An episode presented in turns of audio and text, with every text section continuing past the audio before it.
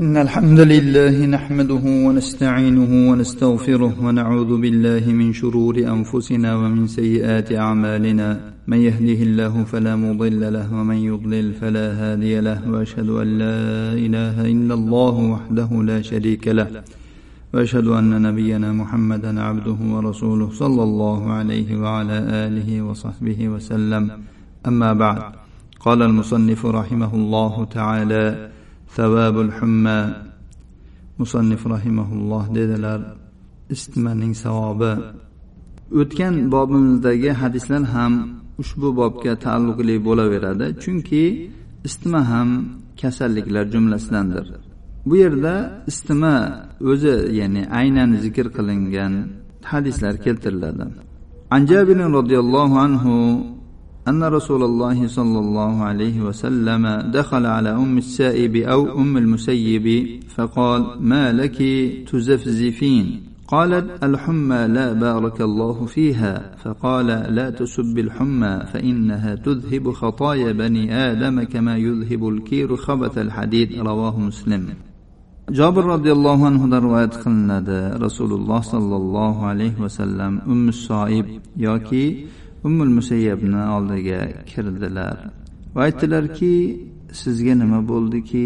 Bunchalik titraysiz ya'ni bezgakdan. Aytdiki istima alloh uning barakasini o'chirsin. Shunda u zot dedilarki istmani so'kmang. U bani odamning xatolarini xuddi bosqon temirning zangini ketkizgandek ketkazadi. Imom muslim rivoyatlari.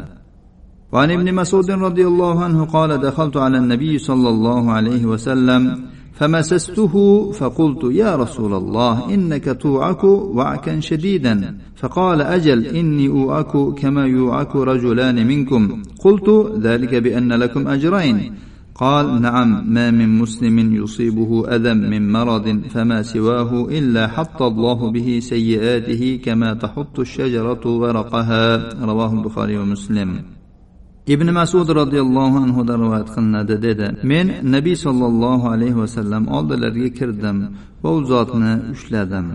Aytdimki ey rasululloh siz juda ham qattiq istimalaysiz a u zot dedilar ha men sizlardan ikki kishi istimalaganchalik miqdorda istimalayman dedilar. Men aytdimki chunki sizlar uchun ikki ajr borda shundaymi?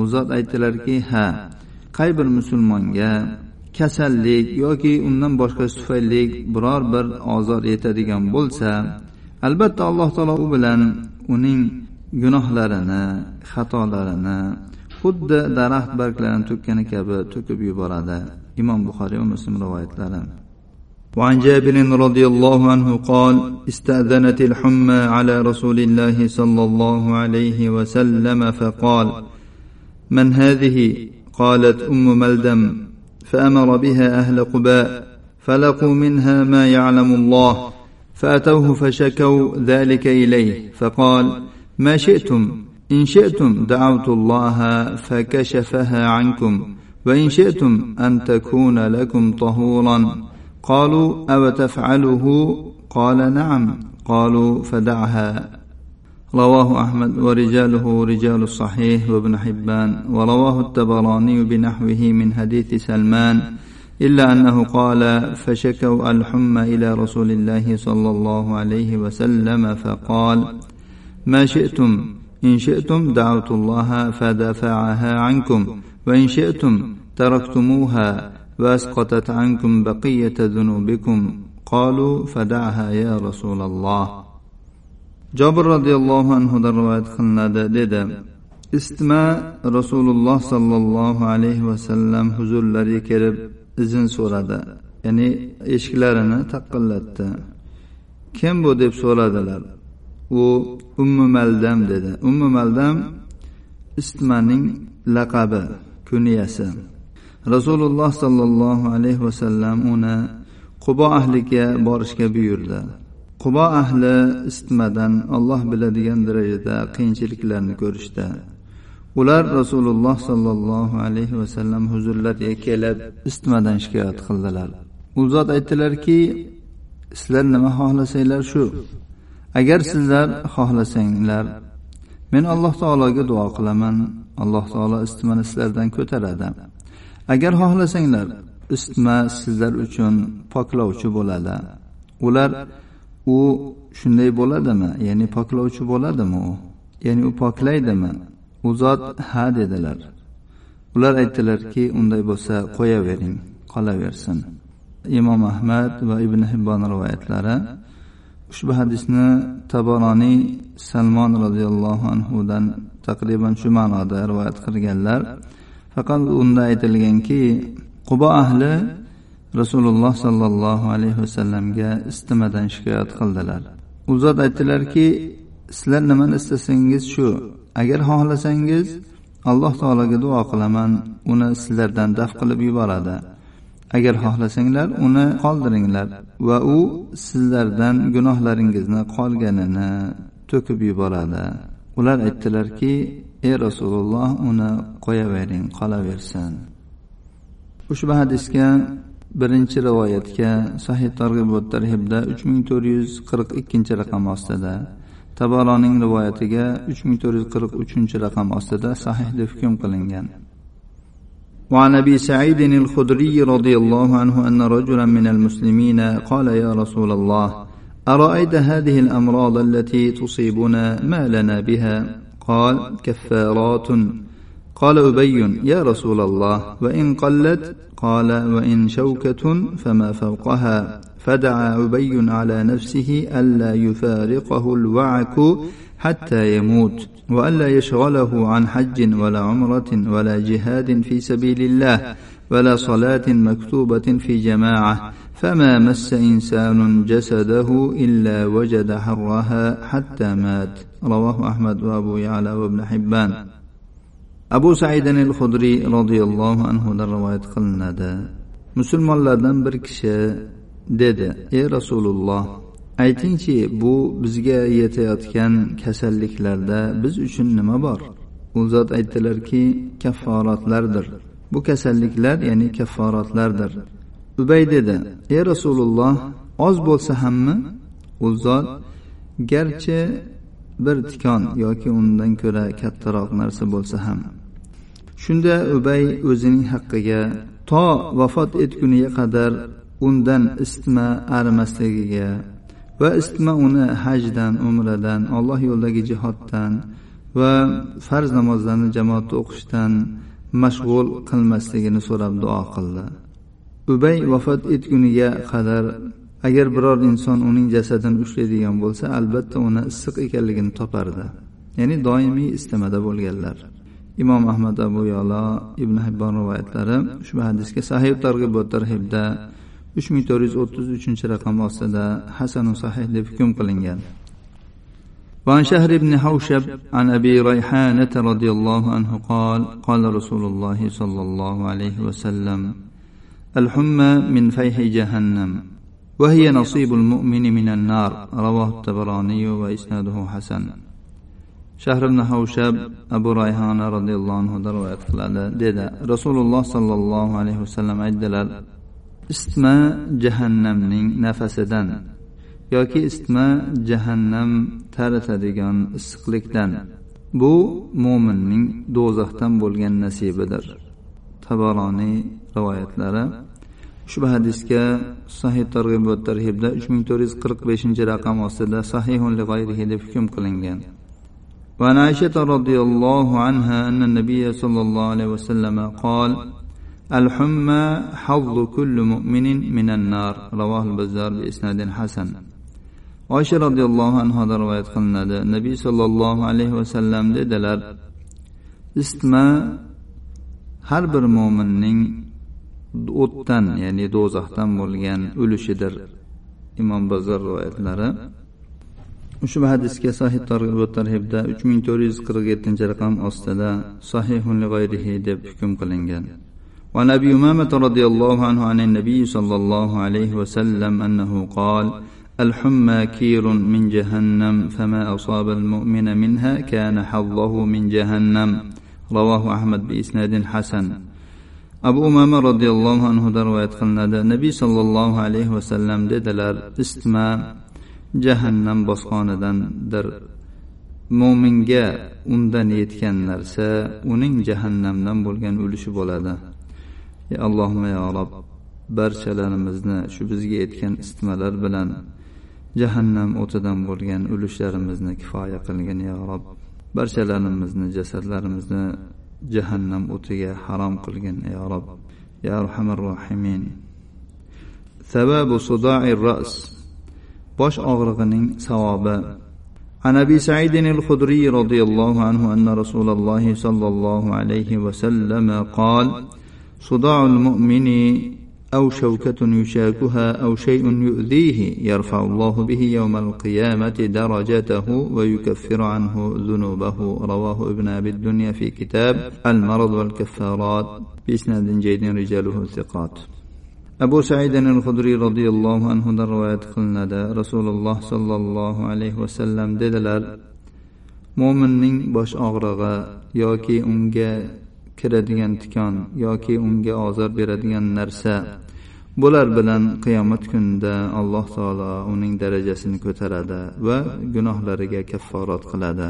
Ibn abi dunyo kasallik va kafforatlar nomli kitobda rivoyat qilganlar ushbu hadisga sahih targ'ib va tarhibda uch ming to'rt yuz o'ttiz to'rtinchi raqam bilan hasan deb hukm qilingan savabu man faqada basalahu fasabara vahtasab ko'zdan mahrum bo'lgan va sabr qilib buning ajrini allohdan umid qilgan kishining savobi haqida عن انس رضي الله عنه قال سمعت رسول الله صلى الله عليه وسلم يقول إن الله عز وجل قال إذا ابتليت عبدي بحبيبتيه فصبر عوضته منهما الجنة يريد عينيه رواه البخاري والترمذي إلا أنه قال يقول الله عز وجل إذا أخذت كريمتي عبدي في الدنيا لم يكن له جزاء إلا الجنة وفي رواية له من أذهبت حبيبتيه فصبر واحتسب لم أرض له ثوابا دون الجنة anas roziyallohu anhudan rivoyat qilinadi dedi men rasululloh sollallohu alayhi vasallamdan eshitdim u zot dedilar alloh azza va jalla dedi agar men bandamni ikki habibasi bilan balolasam va u bunga sabr qilsa unga bu kishining o'rniga jannatni evaz qilib beraman. Ikki habibasidan ikki ko'zni nazarda tutmoqda. Imom buxoriy rivoyatlari ushbu hadisni imom termiziy ham rivoyat qilganlar faqat u zotning rivoyatlarida kelganki alloh azza va jalla deydi agar men bandamning ikki karimasini dunyoda oladigan bo'lsam u uchun jannatdan boshqa mukofot yo'q. Boshqa bir rivoyatda kelganki kimning ikki habibasini ketkazadigan bo'lsam va u sabr qilsa va ajrni umid qilsa men u uchun jannatdan quyiroq savobga rozi bo'lmayman. Alloh subhanahu va taolo ko'zlari ko'rib turgan bandani ko'zlarini nurini olib qo'ysa. Ikki ko'z ko'rmay qoladigan bo'lsa va u alloh taologa hamd aytib alhamdulillah ko'zni bergan ham olloh olgan ham olloh deb hamd aytib boriga shukur qiladigan bo'lsa sabr qilsa alloh taolodan ajr umid qiladigan bo'lsa alloh taolo uning mana shu ikki ko'zning evaziga jannatni berar ekan jannatdan pastroq savobga rozi ham bo'lmas ekan alloh subhanahu va taolo. وعن ابي هريره رضي الله عنه ان رسول الله صلى الله عليه وسلم قال لا يذهب الله بحبيبتي عبد فيصبر ويحتسب الا ادخله الله الجنه رواه ابن حبان abu hurayra roziyallohu anhudan rivoyat qilinadi rasululloh sollallohu alayhi vasallam dedilar alloh taolo bandaning ikki habibasini ketkazadigan bo'lsa u unga sabr qilib ajr umid qiladigan bo'lsa albatta alloh taolo uni jannatga kiritadi. Ibn hibbon rivoyatlari ushbu hadisga sahih targ'ibot tarhibda uch ming to'rt yuz ellik birinchi raqam ostida sahih deb hukm qilingan. وعن الأرباض بن سارية رضي الله عنه عن النبي صلى الله عليه وسلم يعني عن ربه تبارك وتعالى أنه قال إذا سلبت من عبدي كريمتيه وهو بهما ضنين لم أرض له ثوابا دون الجنة إذا هو حمدني عليهما رواه ابن حبان. irboz ibn soliy roziyallohu anhudan rivoyat qilinadi nabiy sollallohu alayhi vasallam ya'ni robbi taboraka va taolodan rivoyat qilib dedi. Alloh taolo dedi agar men bandamdan ikki karimasini tortib olsam va u bu ikkisini berishda juda ham baxil bo'ladigan bo'lsa ya'ni unga juda ham ehtiyojli ya'ni uni hech birovga berishga rozi bo'lmaydigan holatda bo'lsa men u uchun jannatdan quyiroq savobga rozi bo'lmayman. Agar u menga mana shu ikki ko'zni olib qo'yganimga hamd aytadigan bo'lsa berganim uchun ham olib qo'yganim uchun ham hamd aytadigan bo'lsa sharti mana shu. Ibn hibbon rivoyatlari ushbu hadisga sahih targ'ib va tarhibda uch ming to'rt yuz elliginchi raqam ostida hasanul g'oyrihi deb hukm qilingan. Ya'ni bu yerda habibatay kalimatay deyilyapti. Insondagi eng nafis narsa bu ko'z ko'z bilan ko'radi idroq qiladi atrofidagi narsalarni. Alloh taoloni bergan eng katta ne'matlaridan bu. Shuning uchun ham alloh taolo shu ikkisini olib qo'yadigan bo'lsa basharti inson avvalgi hadislarda o'tdiki savob umid qiladigan bo'lsa ehtisob qilsa. sabr qilsa deydi bunisida hamd aytsa deyildi sabr qilib hamd aytib ajr umid qiladigan bo'lsa albatta unga jannat bo'ladi endi u insonni boshqa solih amallari bo'ladigan bo'lsa yana ham uning darajalari ko'payaveradi ko'tarilaveradi وعن ابن عباس رضي الله عنهما قال قال رسول الله صلى الله عليه وسلم يقول الله إذا أخذت كريمة عبدي فصبر واحتسب لم أرض له ثوابا دون الجنة رواه أبو يعلى وابن حبان ibn abbos roziyallohu anhudan rivoyat qilinadi dedi rasululloh sollallohu alayhi vasallam aytdilar alloh azza va jalla aytadi agar men bandamning ikki karimasini olib qo'ysam u sabr qilsa va ajr umid qilsa men u uchun jannatdan boshqa narsani savob bo'lishiga rozi bo'lmayman. Abu yalo va ibn hibbon rivoyatlari ushbu hadisga sahih targ'ib va tarhibda uch ming to'rt yuz ellik ikkinchi raqam ostida sahih deb hukm qilingan.